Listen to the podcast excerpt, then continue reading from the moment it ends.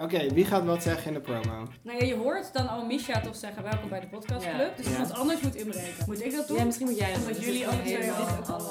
eh. Ja, ja dit is al opgenomen. Het gaat gewoon in. Ja, dat gaan Fuck it. Laat het maar lekker. Anderhalf uur Niet promo. in.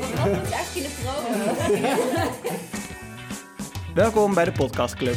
De club waar je bij wil horen. De podcastclub is een soort boekenclub, maar dan voor podcasts. hey, wacht. Nu eventjes een keertje geen podcastclub, maar iets heel anders. Een podcastfestival.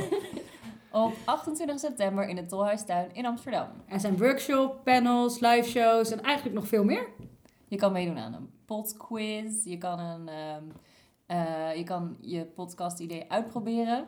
Of pitchen. Hey, Of- en aan het eind ja. van de dag kan je ook nog dansen op DJ's. Sick. Hé, maar als je nou nog nooit een podcast hebt gemaakt, wat kan je dan doen? Eh, je kan hem ook nog gewoon opnemen. Of een workshop volgen. Want als je de podcastclub luistert, dan denk je... Oh, dat is allemaal heel makkelijk.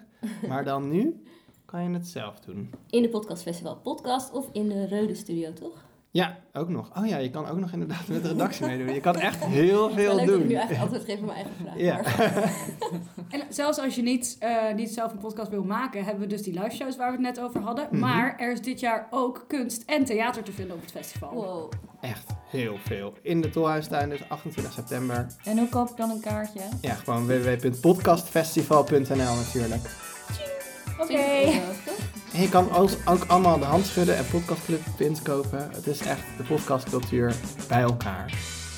Tot dan. Tot dan! Tot zo. Doei!